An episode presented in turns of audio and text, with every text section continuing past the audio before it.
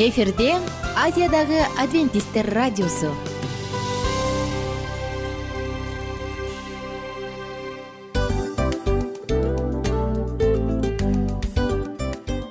Достор салют. Баардык сүйүктүү угармандарыбызга салам айтабыз. Кутман күнүңүздөр менен. Ден соолук өмүрдүн булагы демекчи саламат саамы программасында баарыңыздарды көргөнүбүзгө абдан кубанычтабыз. Анда алгач амандашып өтөлү арбаңыздар деп. Ден соолугуңуздар кандай элибизде көбүнчө ден соолук кандай дегенде эле жакшы деп жооп беребиз э? ооруп турсак дагы жакшы дейбиз. Анан мен муну айтып ойлойт элем бул абдан сонун сөз депчи анткени бул жакшы деген үмүт да э ооба баары жакшы болот. Баары сонун. Деп үмүттөнүп атып эле өзүбүздү өзүбүз дарылап коебуз.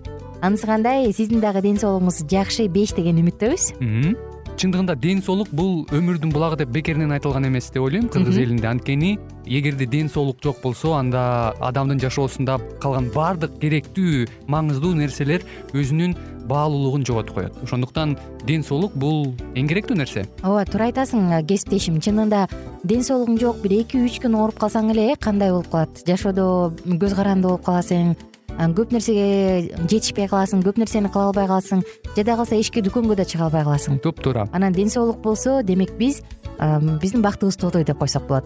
Анда достор саламат саамы рубрикабызды баштайлы. Алдыда өзүңүзгө керектүү болгон сонун кеңештерди уга аласыздар. Мына ошондуктан биз менен бирге болуңуздар. Ал эми биз болсо милан жана айнура.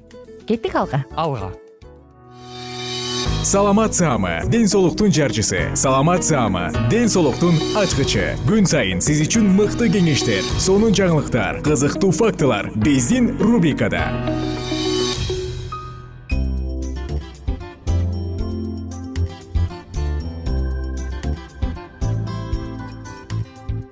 Салют достор саламатсыздарбы биздин угармандар. Жалпы сүйүктүү досторубузга салам айтабыз. Жана сиздер менен биз кайрадан саламат саама рубрикасын баштадык бүгүнкү темабыз жалпыбызга маалым болгон кеңири таралган уйдун сүтүнө арналмакчы.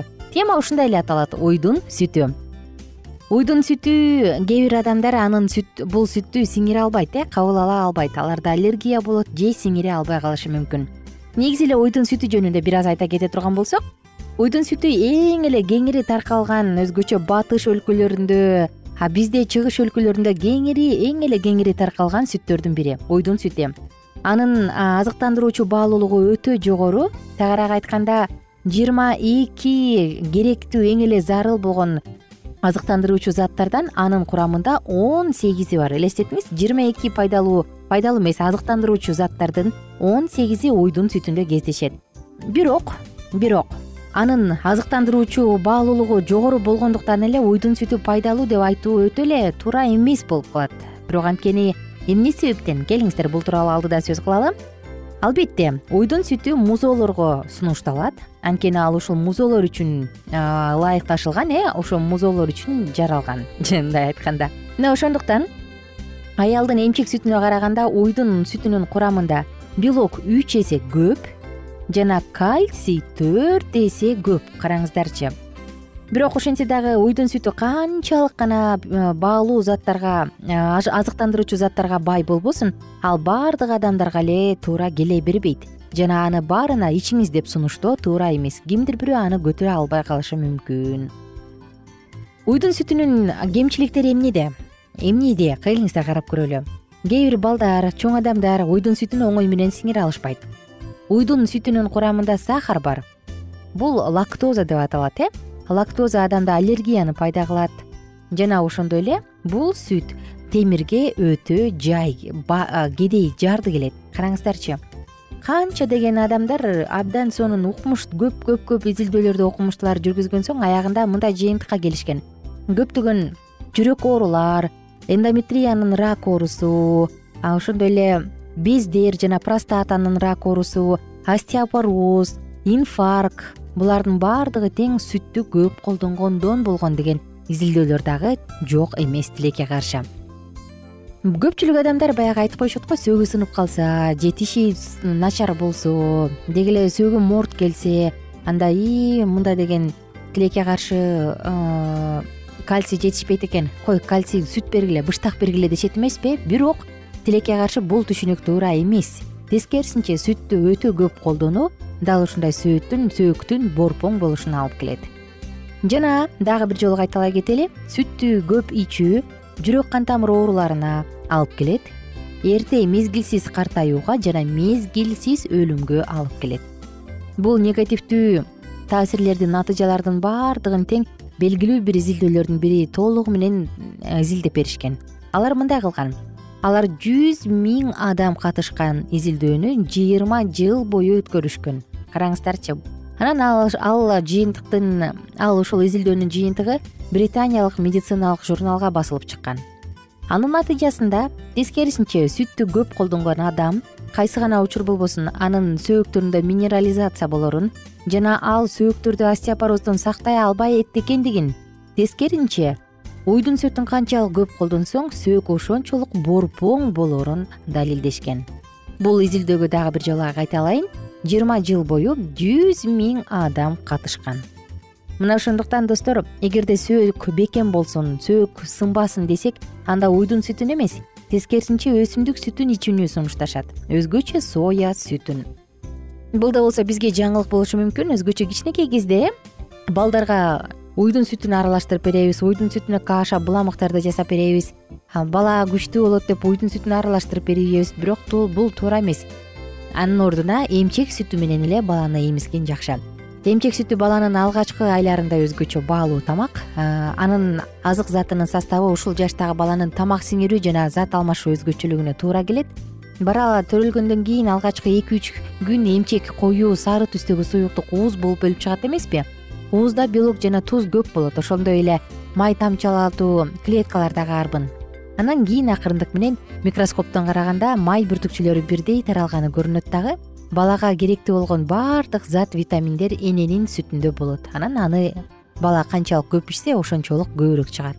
Андан башка антитело деп коебуз э? Жана ферменттер дагы уйдун эненин сүтүндө болот. Эмчек сүтү ой жана эчкинин сүтүнө караганда жеңилсилип баалуу эмчек сүтүнүн белогу өтө аш болумдуу ымыркайдын ичегисинде жеңил сиңирилет. Маңы майы болсо оңой сиңүүчү эмульсия түрүндө болгондуктан ал толук сиңет достор. Мына ушундай ошондуктан эч качан эненин сүтүн уйдун сүтү менен алмаштырбаңыздар деп айтмакчыбыз. Ошондой эле эненин сүтүндө углеводдор дагы бар. Ал өзүнүн азыктык касиетинен башка ичегиде микробдун өсүшүнө дагы тоскоол болот дамак сиңирүүнү жакшыртат анда да ошондой эле айрыкча кальций фосфор туздары дагы жетишээрлик болуп баланын скелетинин калыптануусунда жана өөрчүшүндө мааниси чоң. Эне организмине түшкөн баардык зат эмчек сүтүнөн келет. Ошондуктан бала эмизген аял тамактануу режимин толук сакташы керек. Баланы эмизгенден кийин эмчекте калган сүттү саап таштоо сунуш кылынат. Анткени ал ирип кетсе э тескерисинче же болбосо ал жакта катып катып бериш болуп кала турган болсо энеге чоң көйгөйлөр жаралышы мүмкүн оорутат тагыраак айтканда. Мына ушундай достор. Биз сиздерге кааларыбыз. Тилекке каршы элибизде уй өтө көп кармалат. Негизи биз жан жаныбарларды дал ушундай мал чарбачылыкка жакын болгондуктан уйду көп колдонуп келебиз. Уйдун сүтүн саап алып өткөрөбүз. Быштак жейбиз каймак жейбиз айран ичебиз сүзмө кылабыз курут жасайбыз. Бирок мунун баары эле пайдалуу эмес экендигин эстен чыгарбаңыз. Ошондуктан өзгөчө үйдө балдар бар болсо анда туура тамактануу үчүн дал ушундай маалыматтарды билип алуу ашыктык кылбайт деп ойлоном. Достор биз сиздер менен коштошобуз. Аты жөнүм айнура миназарова. Кийинки баардык угармандарыбызды кийинки уктуруубузда тосуп алабыз. Ал эми кийинки уктурууда биз таттууну жакшы көргөндөр үчүн таттуу сергитүүчү суусундуктар жөнүндө айтып берем. Ага чейин достор күнүңүздөр көңүлдүү улансын кайрадан баардыгыңыздарды ушул жыштыктан күтөм. Бар болуңуздар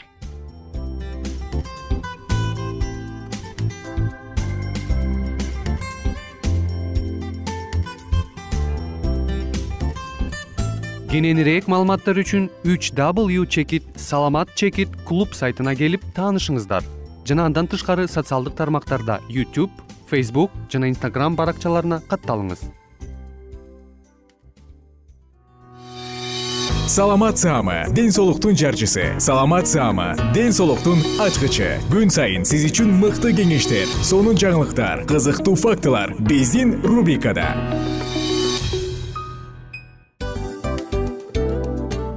салам достор. Кайрадан биздин сүйүктүү рубрикабызга кош келиңиздер деп айтмакчыбыз. Баардык замандаштарыбызга арбаңыздар деп саламыбызды айтабыз. Улуу ушундай бир урматтаган учурашуу менен анан дил маек радио баракчабызга чакырабыз. Негизи дил маек биздин рубрикабызда эмне жөнүндө кеп кылабыз бул дил маектин мааниси эмнеде рубрикабыз менен кичине тааныштырып кетсеңиз. Сөзсүз түрдө тааныштыра кетейин кесиптешим суранычы боюнча бул учурда бул радио баракчада биз ар тарап кесип ээлеринен сонун кеңештерди алабыз сүйлөшөбүз сырдашабыз. Аталарыбыздын эжелерибиздин апаларыбыздын кеңештерин угабыз айтор. Жан дүйнөгө адамдын э, сапатына адамдын деги эле адам болуп жашашына керектүү баардык кеңештер алдыда.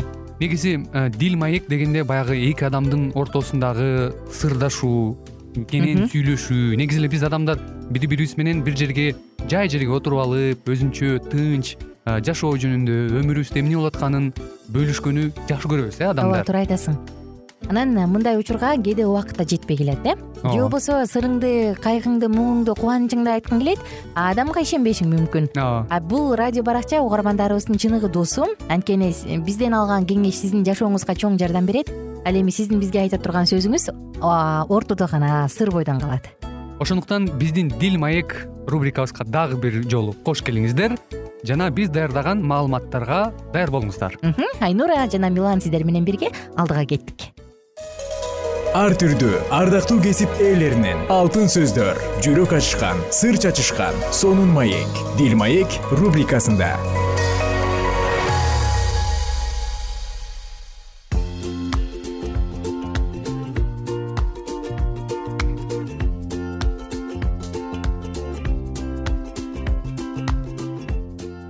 салам достор кутман куш убак күнүңүздөр менен жалпы угармандарыбыз менен жыштыгыбыздан кайрадан амандашканыма абдан кубанычтамын. Бүгүнкү темабыз эненин башкы милдети бактылуу үй бүлө деп аталган циклды андан ары улантуудабыз достор. Жана бүгүн эненин башкы милдети деп аталган теманы андан ары улантууга даярбыз. Пифагордун айткан сөзү менен кайрадан эфирибизди ачсак балдарды тарбиялагыла жана ошондо улууларды жазалоонун зарылдыгы жок дейт э. Баланы тарбиялоо өзүбүздөн башталат деп мурунку уктурууда айта кеткенбиз эне бул балдардын күзгүсү деп. Эгерде эне өзүнүн кандай балдардан кандай кулк мүнөздү кандай мүнөздү көргүсү келсе анда ал өзү дагы ошону көргөзүшү керек дегенбиз. Мына ошондуктан достор балдар бул теңирден калган мурас жана биз анын алдында анын мүлкүн башкарууга милдеттүүбүз деген сөз менен жыйынтыктаганбыз. Куткаруучу жана балдар. Ыйсанын учурунда ыйса балдарга колун коюп аларды алкыштап койсун деп энелер өз балдарын ага алып келишет уксаңыз керек э мүмкүн же уксаңыз керек. Мына ушундай кылуу менен алар өздөрүнүн ыйсага болгон ишенимин көргөзүшүп өздөрүнө багууга дайындалган наристелеринин азыркы жана келечектеги камылгасы үчүн кам көрүшкөн. Бирок шакирттери буга түшүнүшкөн эмес. Алар бул аялдар өздөрүнүн балдары менен эмнеге устаттын тынчын алышат дешип күбөшүргөндүк менен энелердин ары баруусун талап кылышат. Кеткиле дешет э ыйса шакирттерин тыйып жана көпчүлүккө ишенимдүү энелерди балдары менен өткөрүүсүн талап кылат. Ал мынтип айткан балдардын мага келүүсүнө тыюу салбагыла жана тоскоолдук кылбагыла. Анткени кудайдын падышачылыгы ушундайлардыкы бул тууралуу лука жазган жакшы кабарда он сегизинчи бап он алтынчы аятта жазылган. Энелер чаң баскан жол менен куткаруучуну көздөй келе жатышканда ыйса алардын токтобогон көз жашын жана өздөрүнүн балдары үчүн сыйынууларындагы калчылдап титиреген эриндерин көргөн. Ал шакирттеринен чыгып жаткан кагуу сөгүүнүн баарын угуп жана алардын кылып жаткан буйруктарын өзгөрткөн. Анын сүйүүгө толгон улуу жүрөгү балдарды кабыл алууга даяр ачык болчу. Ал биринен сала бирин колго алып алкыштап жатты. Бул энелер үчүн кайсыл учурда болбосун жандандыруучу сабак э? Ал энелерге жана балдарга тынчтык үмүт жана бакыт бере алат силер өз балдарыңарга эң жакшы нерселерди бергиңер келеби анда аларды кудайга алып келгиле. Энелер өз түйшүктөрү кыйынчылыктары менен ыйсага келе беришсин. Алар балдарды тарбиялоодо чоң жардам алышат. Куткаруучунун алдында өз кыйынчылыктарын алып келүүчү энелер үчүн ар дайым эшик ачык. Ал мурдагыдай эле энелердин өз балдарын анын алдында алып келүүсүн каалап аларды алкыштагысы келет. Ыйса өзүн жоош момундар муктаждуулар жана кайгы тарткандар менен бирдей көргөн.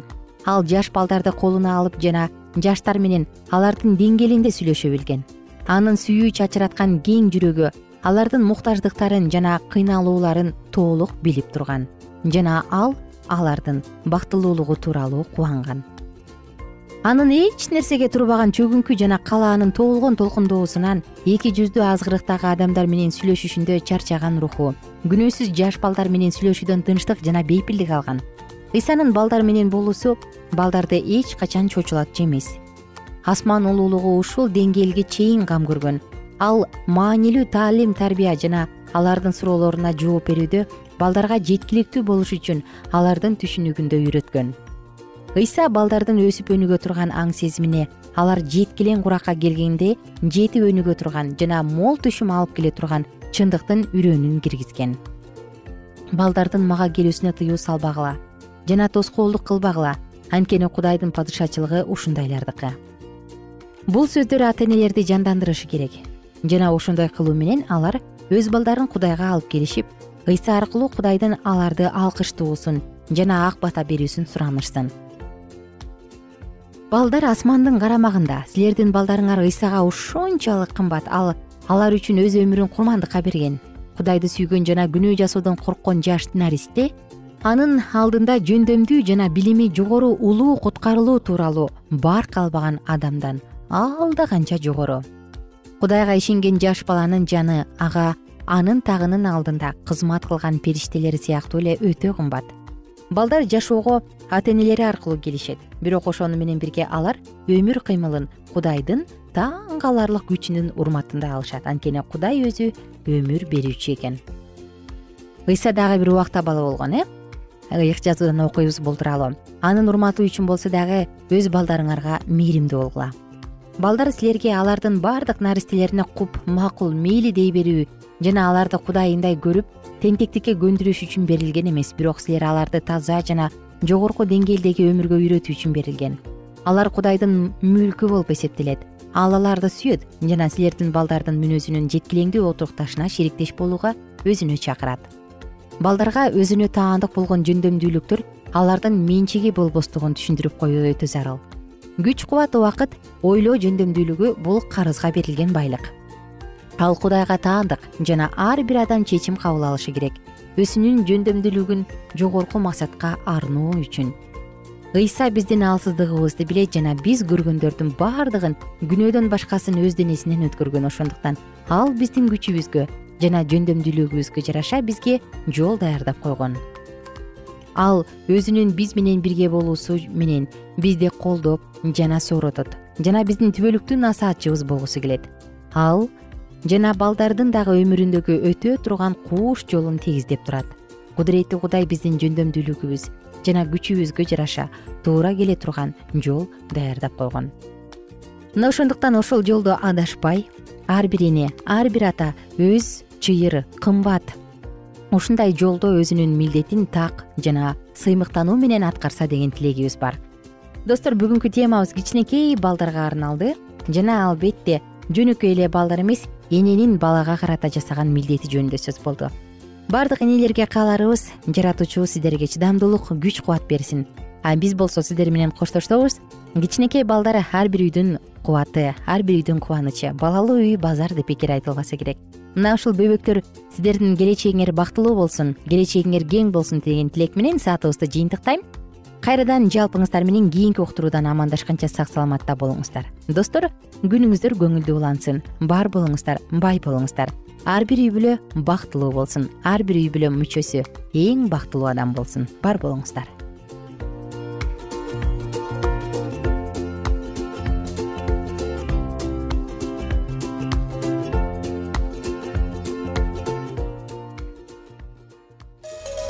ар түрдүү ардактуу кесип ээлеринен. Алтын сөздөр жүрөк ачышкан сыр чачышкан сонун маек. Дил маек рубрикасында.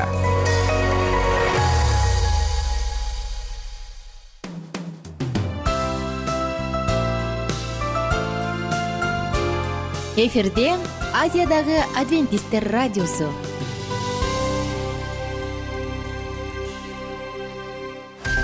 жан дүйнөңдү байыткан жүрөгүңдү азыктанткан жашооңо маңыз тартуулаган жан азык рубрикасы.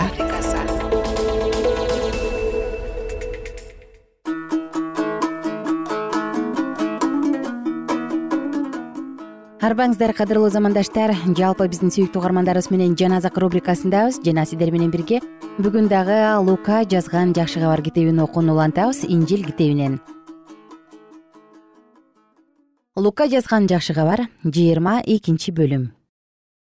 Пасах деп аталган ачыткысыз нан майрамы жакындап калган эле. Башка аяк кызмат кылуучулар менен мыйзам окутуучулар ыйсаны өлтүрүүнүн жолун издешти бирок элден коркушту ошондо он эки шакиртинин бири искариот деген ысым коюлган жүйүттүн ичине шайтан кирди. Ал барып ыйсаны кантип кармап берери жөнүндө башкы кызмат кылуучулар жана ибадаткананын күзөт башчылары менен сүйлөштү. Алар кубанып ага акча берүүгө макул болушту. Ошентип жүйүт аларга убада берди да ыйсаны эл жок жерде кармап бериш үчүн ыңгайлуу учурду күтүп жүрдү. Пасах козусу союла турган ачыткысыз нан майрамы келди. Ошондо ыйса барып бизге пасах тамагын даярдагыла деп петир менен жаканды жөнөттү. Алар ыйсадан кайсы жерде даярдообузду каалайсың? деп сурашты. Ыйса аларга шаарга кирсеңер кумура менен суу көтөрүп бара жаткан адамга жолугасыңар анын артынан ээрчип ал кирген үйгө киргиле да ошол үйдүн ээсине шакирттери менен пасах тамагын жей турган бөлмө кайсы? деп сенден устатыбы сурап жатат дегиле. Ошондо ал силерге төшөнчүлөр төшөлгөн үстүңкү кабаттагы чоң бөлмөнү көрсөтөт. Тамакты ошол жерге даярдагыла деди. Алар барышты. Баары ыйса айткандай болду. Ошентип алар пасак тамагын даярдашты. Тамак жей турган убак болгондо ыйса он эки элчиси менен дасторконго отурду. Ошондо ыйса аларга азап тартаарымдын алдында мен ушул пасак тамагын силер менен бирге жегенди аябай каалаган элем. Анткени силерге айтып коеюн пасак тамагын кудайдын падышачылыгында жей турган убакыт келгенге чейин мындан ары мен аны силер менен жебейм деди. Анан ал чөйчөктү колуна алып кудайга ыраазычылык билдирди да аларга муну алып өз ара бөлүшүп ичкиле. Анткени кудайдын падышачылыгы келгенге чейин мен мындан ары жүзүм ширесин ичпейм деди. Анан нанды алып кудайга ыраазычылык билдирди аны сындырып шакирттерине берип жатып бул нан силер үчүн бериле турган менин денем. Муну мени эскерүү үчүн жегиле деди. Кечки тамактан кийин чөйчөктү да алып мындай деди. Бул чөйчөк силер үчүн төгүлө турган менин каным. Каным менен бекитиле турган жаңы келишим. Бирок мына мага чыккынчылык кыла турган адам мени менен бирге дасторконго кол узатып жатат. Анткени адам уулу аны алдын ала белгиленген жол менен бара жатат. Бирок ал ким аркылуу кармалып берилсе ошол адамга кайгы. Ошондо элчилер биздин арабыздан ким чыккынчылык кылат болду экен? деп бири биринен сурай башташты.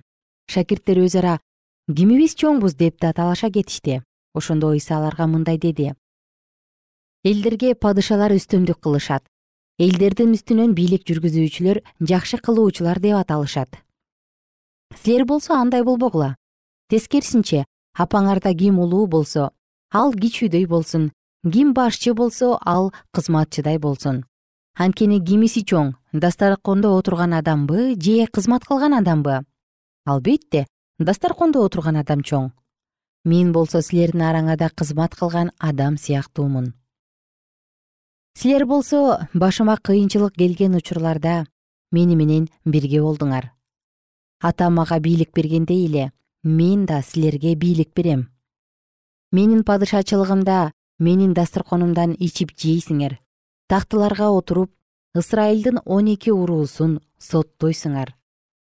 Анан ыйса теңир петирге шымон шайтан силерди калбырдан буудай сыяктуу өткөрүүнү суранды бирок ишенимиң жоготпосун деп мен сен үчүн сыйындым. Кайра кайрылганыңдан кийин бир тууганыңдардын ишенимин бекемде петир болсо ага теңир мен сени менен түрмөгө отурууга да өлүүгө да даярмын деди. Бирок ыйса ага петир сага айтып коеюн ушул түнү короз кыйкырганга чейин сен мени билбейм деп үч жолу таанасың деди. Анан ыйса аларга мен силерди капчыксыз баштыксыз бут кийимсиз жөнөткөнүмдө бир нерсеге муктаж болдуңар беле деди алар жок эч нерсеге муктаж болгон жокпуз деп жооп беришти. Ошондо ыйса аларга бирок азыр кимдин капчыгы болсо ал аны да баштыгын да алсын.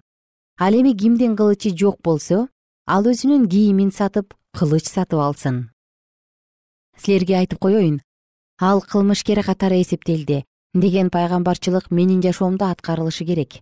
Анткени ыйык жазууда мен жөнүндө эмне жазылса ошонун бардыгы аткарылып бүтүп калды деди.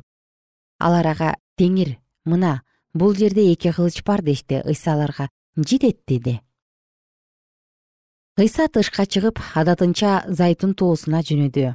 Шакирттери анын артынан ээрчишти ошол жерге келгенден кийин ыйса аларга азгырылып кетпеш үчүн сыйын кыла деди өзү нарыраак таш ыргытса жетчүдөй жерге барып чөгөлөп отуруп мындай деп сыйынды. Ата эгерде сенин эркиңе туура келсе ушул чөйчөктү менин жанымдан кыя өткөрүп жиберчи? Бирок мен каалагандай эмес сен каалагандай болсун ошондо асмандан бир периште келип ага күч берди кыйналып жатканында ал бүт күчү менен сыйынды.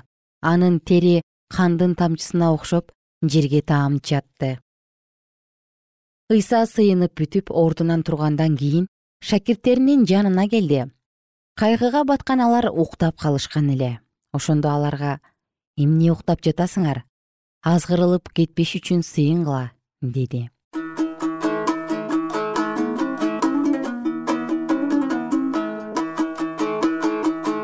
Кымбаттуу замандар сиздер менен бүгүн дагы биз инжил китебинде жазылган лука жазган жакшы кабардан жыйырма экинчи бөлүмдөн бир нече аяттарды окуп өттүк.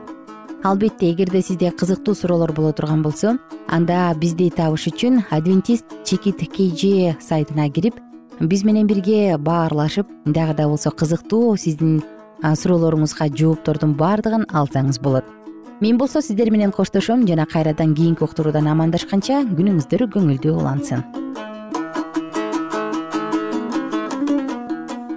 эгер сиздерде суроолор болсо же көбүрөөк маалымат билем десеңиз анда биздин whatsapp номерибизге жазыңыз. Плюс бир үч жүз бир жети жүз алтымыш алтымыш жетимиш. Кайрадан плюс бир үч жүз бир жети жүз алтымыш алтымыш жетимиш